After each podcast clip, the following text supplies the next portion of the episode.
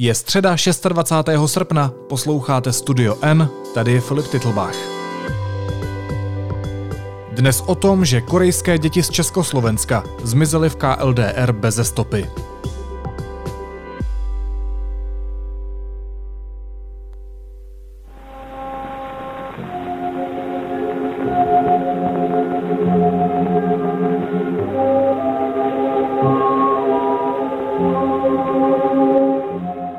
Evropa a Československo s ní dala za korejské války nový domov tisícům sirotků z KLDR. Na rozdíl od válečných uprchlíků z Řecka, ale příběh malých severokorejců nemá šťastný konec.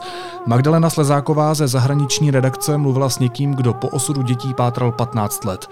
Majdo, ahoj. Dobrý den, ahoj.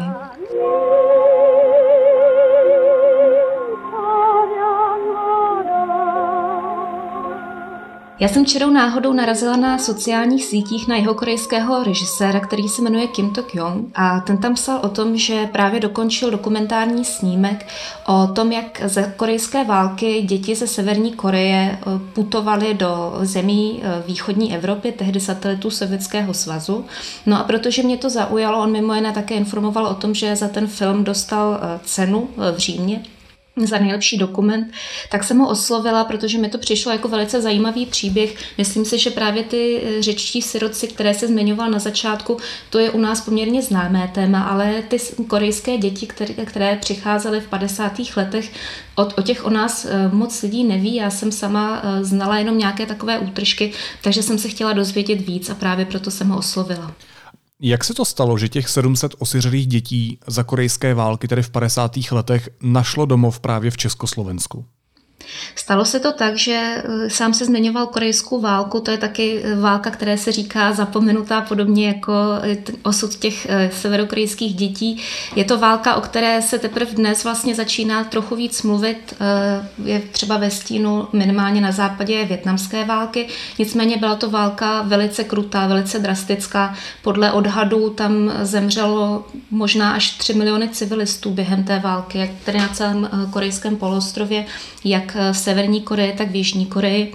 No a každá ta vláda, jak severokorejská, tak jeho korejská, měla nějaký vlastní přístup, jak se chovat k válečným sirotkům.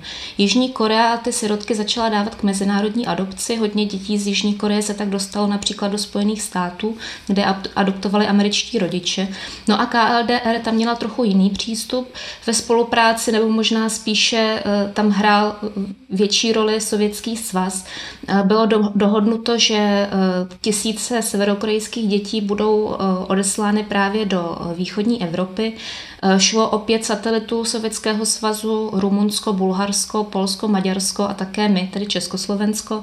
A tam budou dány do takzvané, říká se tomu oprávněná výchova, nebo byl to program oprávněné výchovy. To znamená, že tady se o ně budou starat v Evropě evropští, dejme tomu, jako vychovatelé, evropské dětské domovy, ústavy nebo i evropské rodiny. No ale s těmi dětmi se měli i severokorejští učitelé, kteří měli dohlédnout na to, aby děti zůstaly věrné Severní Koreji a aby se příliš, jak říká potom eh, jedna Češka, nebo říká v tom filmu, aby se nepovzápadničili.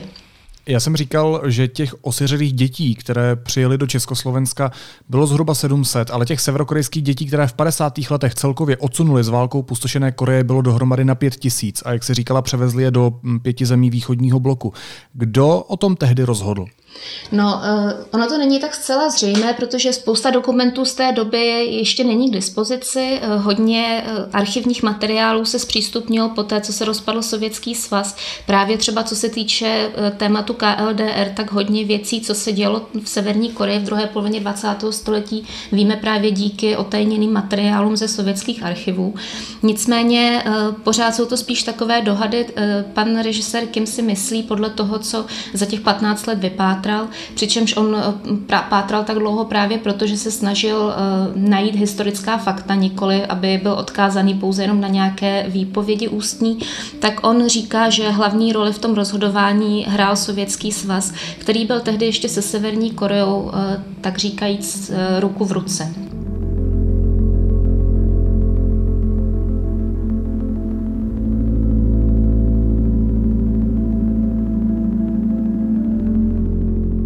By zajímalo, jak dlouho trvala ta cesta z Koreje až sem, protože my se bavíme o cestě přes půl světa. Bavíme se o technických možnostech 50. let minulého století. To muselo být hrozně náročný. No, eh, ty děti v Severní Koreji jako takové byly ve sběrných táborech, eh, co jsem eh, tak zjistila z toho filmu a vlastně i potom z reakcí, které mi na ten článek přišly. Z těch sběrných táborů potom byly naloženy do vlaku, byly odvezeny do Vladivostoku sovětského, to je že jo, velké město úplně na ruském dálném východě, na pobřeží. A z Vladivostoku potom nastoupili do vlaku, který je vezl přes 10 dní, zhruba 10 dní přes Sibiř až do Moskvy. A z Moskvy potom byly rozesílány právě do těch jednotlivých zemí. Cesta to byla náročná, ostatně i dnes eh, je taková eh, populární mezi eh, určitými lidmi cesta transsibirskou magistrálu, že je to takové velké dobrodružství, ale dodnes ten vlak je, myslím si, pro silnější povahy, pokud si nezaplatíte úplně nějaký luxusní, nějaké luxusní kupé. Tenkrát to byl vlak, který měl maximálně nějaké dřevěné pryčné, těch bylo málo, takže eh, většina těch dětí eh, cestovala, takže seděla na podlaze. Samozřejmě tím vlakem profukovalo, eh, bylo málo jídla, bylo málo pití, eh, péče lékařská taky minimální, spousta těch dětí nebo hodně z těch dětí eh, byly zraněné a nejen jako fyzicky, třeba právě z války, že já nevím, byly zraněné z bombardování, ale také si odvážely obrovské trauma z té války, takže to se všechno na jejich stavu podepsalo zdravotním, když potom přijeli eh, do východní Evropy. Mnohé z nich byly nemocné nebo nebyly na tom zkrátka zdravotně dobře. A ta cesta se na tom bez zesporu taky podílela. A věděli ty děti tehdy, co se děje, kam a proč jedou? No, uh, údajně jim nikdo nic moc nevysvětloval, jenom jim řekli, že vlastně odvezou uh, pryč, aby, se, aby je zachránili od války, ale vůbec netušili, kam putují, uh, že pojedou takhle dlouho, uh, že pojedou do nějakých zemí, o kterých třeba v životě ani neslyšeli. Samozřejmě rozumí se samou sebou, že neuměli ani jazyk těch zemí, neznali kulturu, takže jeli vlastně do takového velkého neznáma.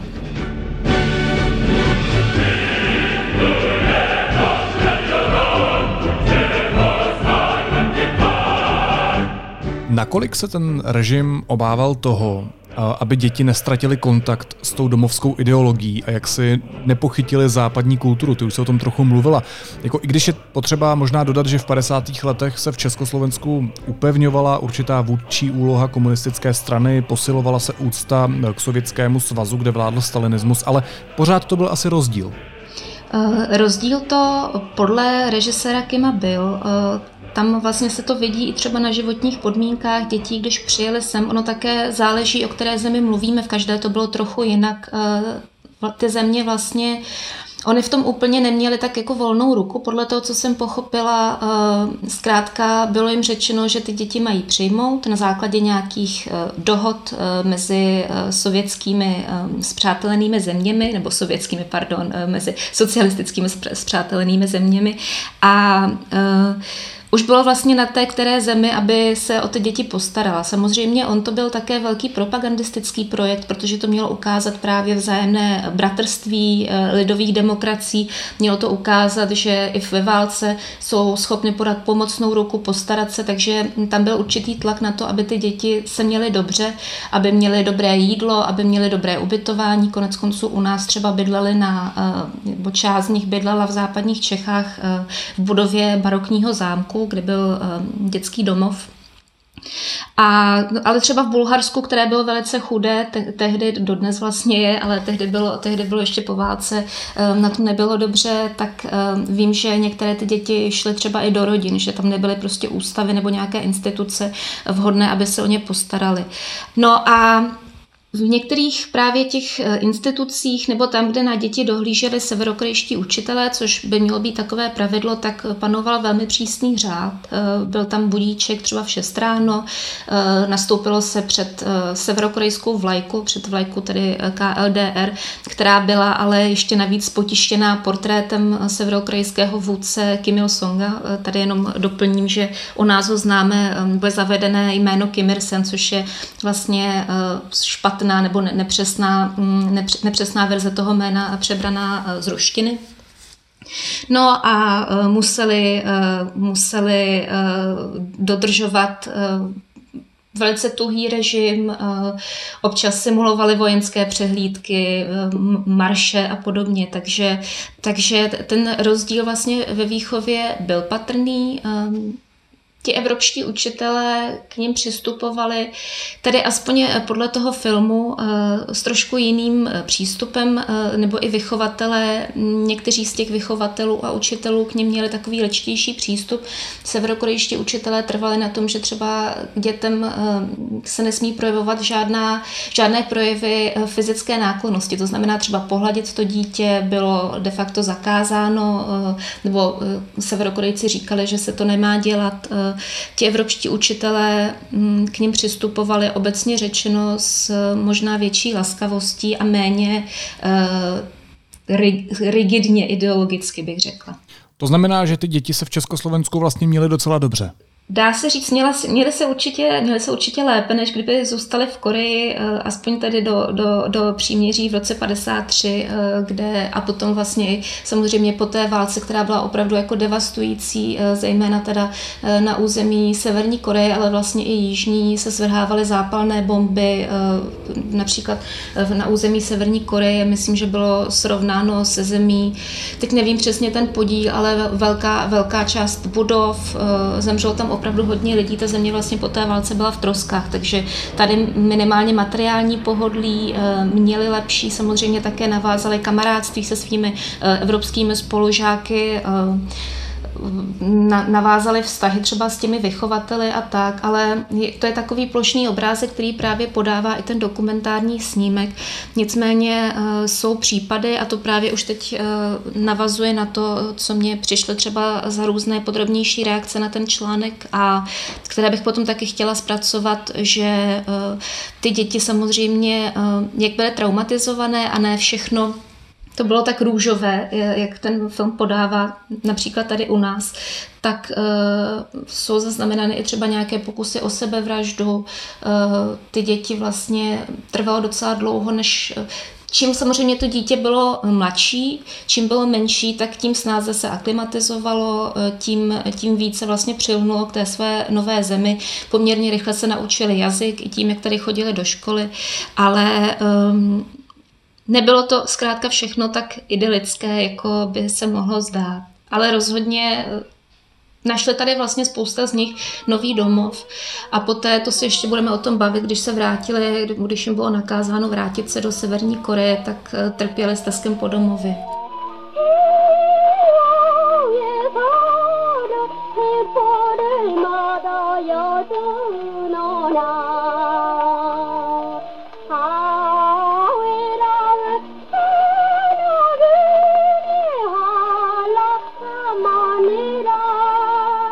No pojďme se o tom bavit rovnou. Po jak dlouhé době tedy nastal ten moment, kdy KLDR zavelela k návratu a děti museli přes půl světa zpátky? Ono se to stalo, nebo ten zvrat nastal v roce 1956, tady se omlouvám trochu za historický exkurs, ale pro pochopení, co se s těmi dětmi stalo, je to nutné vysvětlit. Eh, my známe dneska Severní Koreu, už se o ní tak mluví vždycky, jako je to takový stereotyp nejizolovanější země světa, říká se poustevnické království, eh, uzavřená eh, diktatura a podobně. Nicméně v těch 50. letech, první polovně to ještě tolik neplatilo. Severní Korea tehdy úzce spolupracovala se Sovět Sovětským svazem právě, eh, což byl vlastně takový její eh, eh, donátor a ochránce, dejme tomu. Konec konců samotného Kim Il-sunga, přestože severokorejská propaganda by s tím rozhodně nesouhlasila, vlastně nastolili Sověti na post severokorejského vůdce. Poměrně pragmaticky, ale snesitelně vycházeli i s Čínskou lidovou republikou sousední. No ale v eh, roce 1956 už eh, v Severní Koreji eh, byl velice vlastně ostrý boj o moc. On Kim Il-sung si začal budovat po vzoru Stalina velmi intenzivní kult osobnosti, který potom tedy ještě zesílil, ale právě už v těch 50. letech to bylo patrné.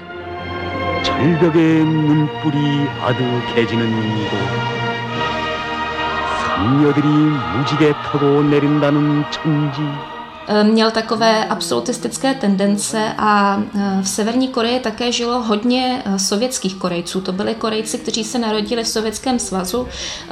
Korejská menšina tam byla velice početná, stejně jako v severovýchodní Číně. A ti, kteří ti se potom vrátili, když, nebo vrátili, odjeli do Severní Koreje, když vznikla KLDR, a tvořily vlastně právě za podpory Sovětů značnou část toho státního aparátu v Severní Koreji. No jenže Kim Il-sung jim nevěřil. Zároveň tam byla velice silná pročínská frakce v Severní Koreji. A uh, víme všichni, co se stalo, když zemřel uh, Stalin, uh, když potom Chruščov vystoupil s tím svým uh, slavným projevem, který byl sice potom, ne, nedostalo se mu třeba tolik pozornosti, kolik by si býval přál, ale v Sovětském svazu začala destalinizace. No a v Severní Koreji byly taky takové tendence. Ta prosovětská frakce i ta čínská frakce se snažili uh, Kim Il-sunga eh, odstavit od moci, nebo respektive ho uh, zprvu mu tu moc omezit a potom už naplánovali v roce 1956 převrat. To bylo v době, kdy Kim Il-sung byl zrovna mm, na cestě právě po Evropě, byl ve východní Evropě a v Moskvě. On se o tom převratu dozvěděl a protože už dlouho se chystal, že tyhle ty své nepřátelské sobě nepřátelské frakce zlikviduje, tak odjel zpátky do KLDR, kde se mu podařilo ty oponenty potlačit a rozpoutal opravdu jako masivní, velice brutální čistky, které trvaly několik let. Říká se, že v, v severokorejské období parlamentu tehdy se vyprázdnila čtvrtina veškerých křesel, že ty lidi prostě zmizely bez stopy, to bylo opravdu, opravdu ty čistky byly v podstatě bezprecedentní do té doby eh, v Severní Koreji. No a Kim Il-sung, aby se zajistil vlastní moc, tak zahájil právě ten izolacionismus, eh, přišel s ideologií, nebo jeho ideologové přišli s ideologií Čučche, to znamená ta soběstačnost, a jak od Sovětského svazu, tak od Číny se odklonil. Zaujal tím takový postoj, jakože ano, budeme si od vás brát, co budeme potřebovat, budeme s vámi spolupracovat, ale už nikdy vám nebudeme věřit. A za těchto okolností, kdy byla ta situace tam pořád ještě napjatá, on pořád vlastně bojoval o tu svoji moc, tak nemohl dopustit, aby tolik severokorejců zůstávalo ve východní Evropě. To bylo pro ní nebezpečné nebezpečné. Proto je povolal zpátky a šlo tedy nejen o ty děti a o jejich učitele, ale i o další uh, severokorejce, kteří tehdy byli ve východní Evropě. Zkrátka všichni museli zpátky. To ale pro ty děti musel být, a nejenom pro ty děti, ale i pro ty učitele strašný šok vrátit se do téhle atmosféry.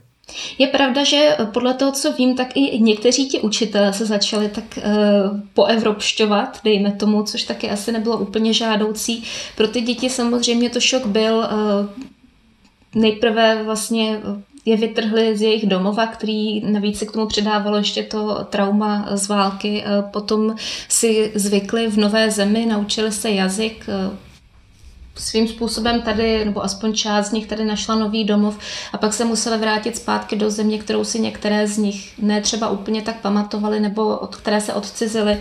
Takže eh, šok to pro ně bez zesporu byl, ale potíž je, že my o nich vlastně nemáme tolik zpráv. Oni ještě, když se tam, oni se tam vraceli po etapách, první vlak tuším odjel zpátky už v roce 1956 a potom během následujících několika let eh, eh, odjížděli zase zpátky přes Sibir další vlaky. Některé ty děti ještě psaly do, domů nebo domů do toho svého nového domova dopisy, takže máme třeba doloženy, k ním se pan režisér Kim taky dostal dopisy, které jsou psané v podstatě v, v plyné češtině, které ty severokrajské děti psaly sem do Československa nebo třeba v polštině, v, v, v maďarštině a podobně. No jenže eh, najednou ty dopisy eh, na konci 50. let přestaly chodit. A máme vlastně jenom takové střípky informací, víme třeba o případu 12 15-letého chlapce, který eh, právě hm, přijel zpátky do KLDR z Polska, kterému se podařilo utéct ze Severní Koreje. Eh, utekl pěšky přes hranici a jediné, co víme, že patrně zemřel v roce 1962. Zřejmě podle těch zpráv eh, kusích, které jsou k dispozici, se utopil v nějaké bažině na útěku. On si právě myslel, neměl nic, neměl peníze, neměl, neměl vlastně žádný dopravní prostředek, ale předpokládal nebo doufal, že prostě jenom vyrazí pěšky a že půjde tak dlouho, dokud nedorazí zpátky domů, tedy do Polska.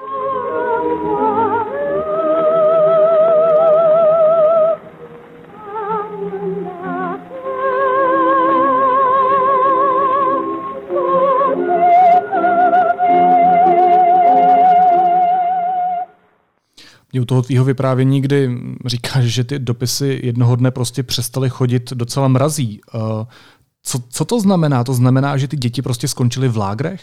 No, my, to my taky přesně nevíme. Já bych rozhodně neřekla, že skončily v lágrech. Eh, minimálně neskončily všechny. Eh, možná část z nich eh, ano. Potíž je, že opravdu ty, ty jejich stopy, jak už jsme říkali na začátku, se postupně ztrácejí.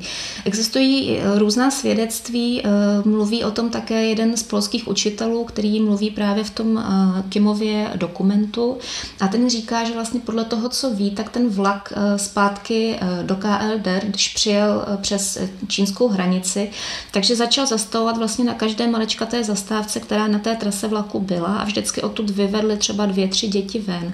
To znamená, že z toho vlastně vlastně vyplývá, že um, Kimův režim se snažil nějakým způsobem rozptýlit vlastně po, eh, po celé zemi, tak aby nezůstávali pospolu, aby vlastně roztříštil nějakou tu jejich potenciální hrozbu, kterou v nich eh, Kim Il-sung jako reálně viděl. Otázka je, jak moc by ta hrozba byla reálná.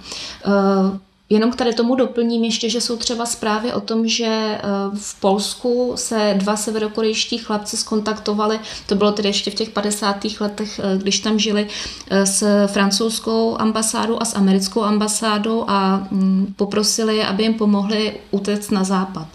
Nicméně tenhle ten plán byl odhalený a potom je eh, zatkli, nebo zatkli, eh, do, dopadly polské tajné služby. Eh, z jiných zdrojů zase víme, že v Maďarsku v roce 1956, když bylo maďarské povstání, takže se tam účastnili, te, účastnil také několik těch severokorejců mladých na, na straně povstalců.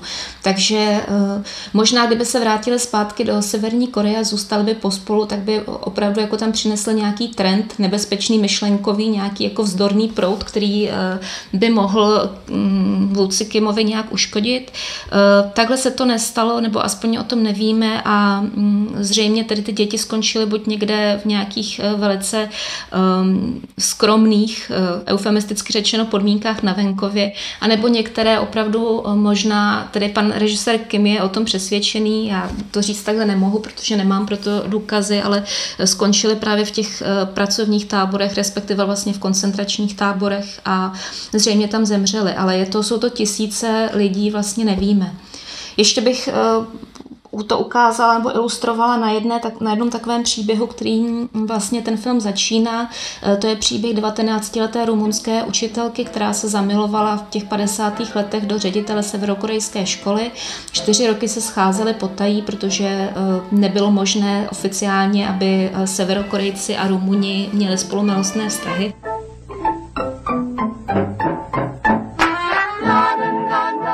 Nicméně po těch čtyřech letech se jim eh, podařilo dostat eh, zelenou od vlády, vzali se.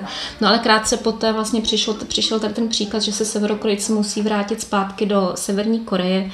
Eh, ta paní Georgeta nechtěla, aby se její manžel vrátil, chtěla, aby z nich zůstal v Rumunsku ale on, protože byl přesvědčený kádr, vysoce postavený a věřil tomu režimu, tak eh, to cítil jako svoji povinnost a pro něj vůbec ne, nepadalo v úvahu, že by, se, eh, že by zůstal v Rumunsku. Takže ona tam odjela s ním.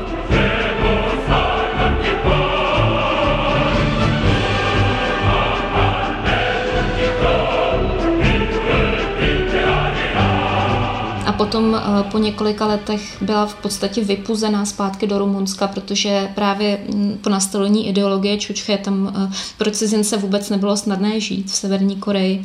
No a ona od té doby vlastně do dneška, dneska už je 86 let, čeká, až se jí ten manžel vrátí. Pořád doufá, že je stále naživu, ale poslední stopu o něm má z roku 1977, kdy od něj přišel poslední dopis, kde jí psal, že z tady toho intelektuála, bývalého ředitele školy se stal, nebo se stal, byl, se, byl stán uh, horníkem a pracuje někde na severokorejském venkově, tam kutá uh, uhlí. Um, Paní Georgeta chodí, nebo chodí, chodila mnohokrát na severokorejskou ambasádu v Bukurešti se ptát po svém manželovi, po každý vlastně dali jinou odpověď. Někdy jí řekli, že uh, není možné se s ním skontaktovat, jindy jí řekli, že je mrtvý, přičemž ale jí po každé dali jiné datum úmrtí. No a řekli jí vlastně, ať, ať po něm přestane pátrat, že ho potřebuje strana. Takže tohle je možná taková jistá indicie uh, k tomu, abychom, uh, abychom si představili, co se potom stalo i s těmi dětmi. Ostatně velice podobný příběh jako paní Georgeta má dáma, která, Polka, která se také provdala za Severokorejce, potom na Varšavské univerzitě založila tamní koreanistiku. Ta dokonce v 86. roce odjela na oficiální návštěvu KLDR jako tlumočnice tehdejšího polského vůdce. Také si zažádala o setkání s manželem a bylo jí to zamítnuto, takže uh, můžeme se jenom dohadovat, jestli ti lidé vůbec ještě jsou naživu a jakým způsobem případně o ten život přišli. Příběh Kimových dětí a nejen jich popsala Magdalena Slezáková ze zahraniční redakce. Majdo, díky moc. Děkuji za pozvání, ahoj, nashledanou. Teď jsou na řadě zprávy, které by vás dneska neměly minout. Prezidenta Miloše Zemana museli kvůli úrazu ruky operovat v ústřední vojenské nemocnici v Praze. Nejde o stav ohrožující na životě, uvedl hradní mluvčí Jiří Ovčáček. Vedení ruské pravoslavné církve vyměnilo hlavu běloruské církve, odvolalo minského metropolitu Pavla a pověřilo vedením biskupa Veniamina. Pavel dříve vyzval prezidenta Lukašenka, aby ukončil násilí proti demonstrantům. Běloruský nejvyšší soud podle agentur odmítl žádost opoziční kandidátky Světlany Cichanouské, aby neuznal výsledky prezidentských voleb z 9. srpna. Slovenský ministr zahraničí radí, aby si lidé neplánovali na podzim dovolenou v zahraničí. Od září chce Bratislava rozšířit seznam rizikových zemí. Ministerstvo školství zaslalo v úterý večer školám aktualizovaný manuál, podle kterého mají od 1. září fungovat. Upravilo v něm informace o rouškách, které se po změnách v informacích od Ministerstva zdravotnictví z minulého týdne nebudou muset ve školách nosit plošně. Záležet bude na takzvaném semaforu. Český rozhlas zvažuje, že kvůli fotce svého moderátora a člena Rady České televize Lubomíra Veselého se šéfem ultrapravicové dělnické strany sociální spravedlnosti Tomášem Vandasem změní svá předvolební pravidla. Zaměstnanci a spolupracovníci Českého rozhlasu by mohli mít zakázáno se z politiky fotit. A v Africe se podařilo vymítit divoký poliovirus způsobující dětskou obrnu. Oznámila to Africká regionální rada pro potvrzení vymícení obrny, kterou ustanovila v roce 1998 Světová zdravotnická organizace.